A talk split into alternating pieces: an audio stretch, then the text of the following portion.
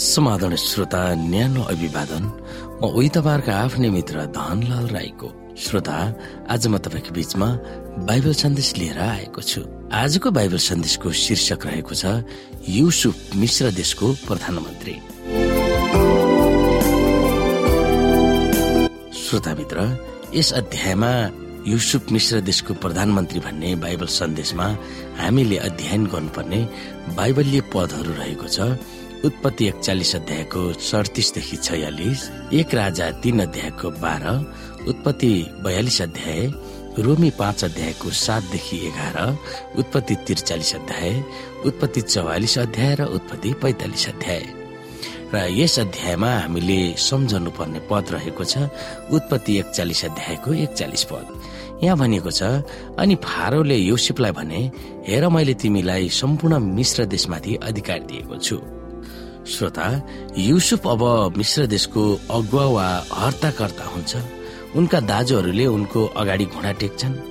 तिनीहरूलाई थाहा हुँदैन कि कसको अगाडि घुँडा टेकिरहेको छ। जब उनले बेन्जामिनलाई ल्याउन हुकुम दिन्छन् तब दाजुहरू अत्यन्तै नम्र भएर त्यस्तो हुकुम नदिन बिन्ती गर्छन्। जब बेन्जामिनको सुरक्षाको निम्ति तिनीहरू डराउँछन् तब यस शक्तिशाली व्यक्तिसँग दयाको भिख माग्छन्। उनको अनुग्रहको निम्ति याचना गर्छन्। तिनीहरूले उनलाई फारो जस्तै देखेका हुन्छन् र फारोलाई जस्तै आदर गर्छन्।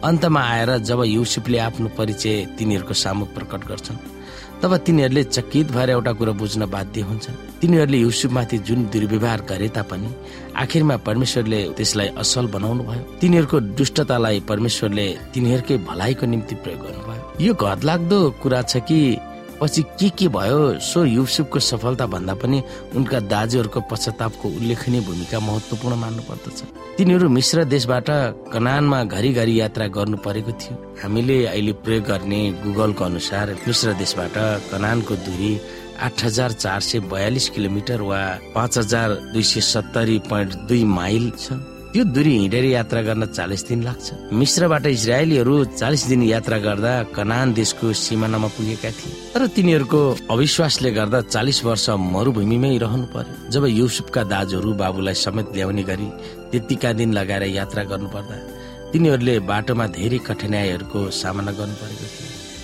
त्यसबेला तिनीहरूले आफ्नो बुबा र भाइप्रति गरेको दुष्ट कामलाई सम्झिन बाध्य भएका थिए।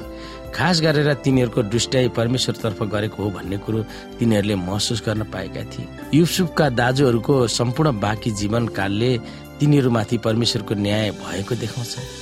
तर जब यस कथाको अन्त्य हुन्छ तब हामी सबै भावुक हुन्छौँ।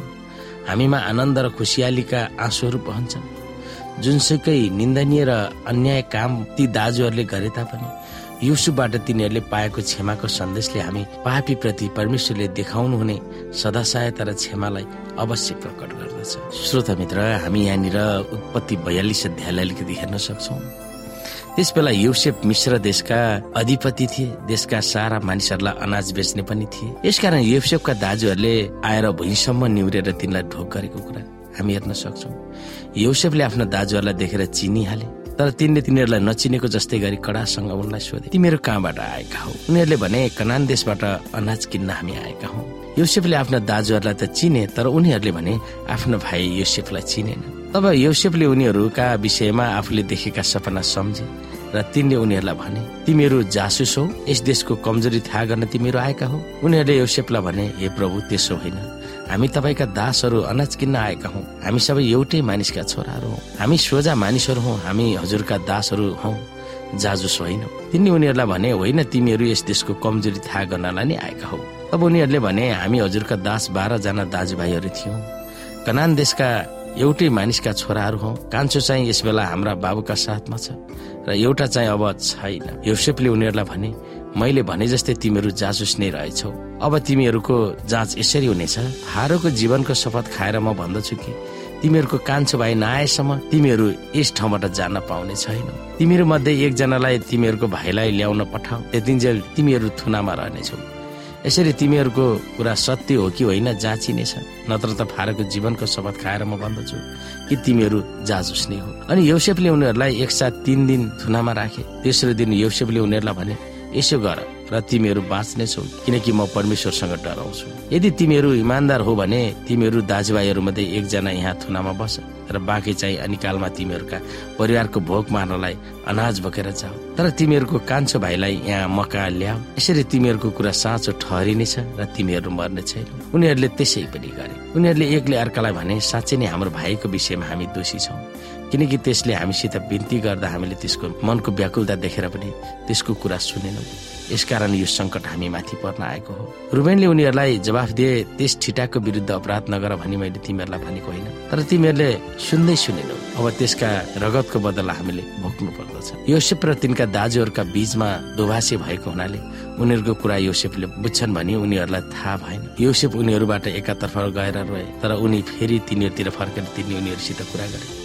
तिनले उनीहरूबाट सिमियोनलाई लिएर उनीहरूका आँखाकै सामान्य उनलाई बाँधे योसेफले उनीहरूका ढोक्राहरूमा अनाज भरिदिनु र उनीहरूका आफ्ना चाँदीका सिक्काहरू ढोक्रामै हालिदिनु उनीहरूको बाटोको निम्ति उनीहरूलाई सामल तुमल दिनु भनी हुकुम गरे तिनीहरूका निम्ति त्यसै गरे। श्रोता साथी बाँकी अंश हामी अर्को प्रस्तुतिमा हेर्नेछौँ। आजलाई भने विदा चाहन्छु। हस्त नमस्ते। जय मसिंह।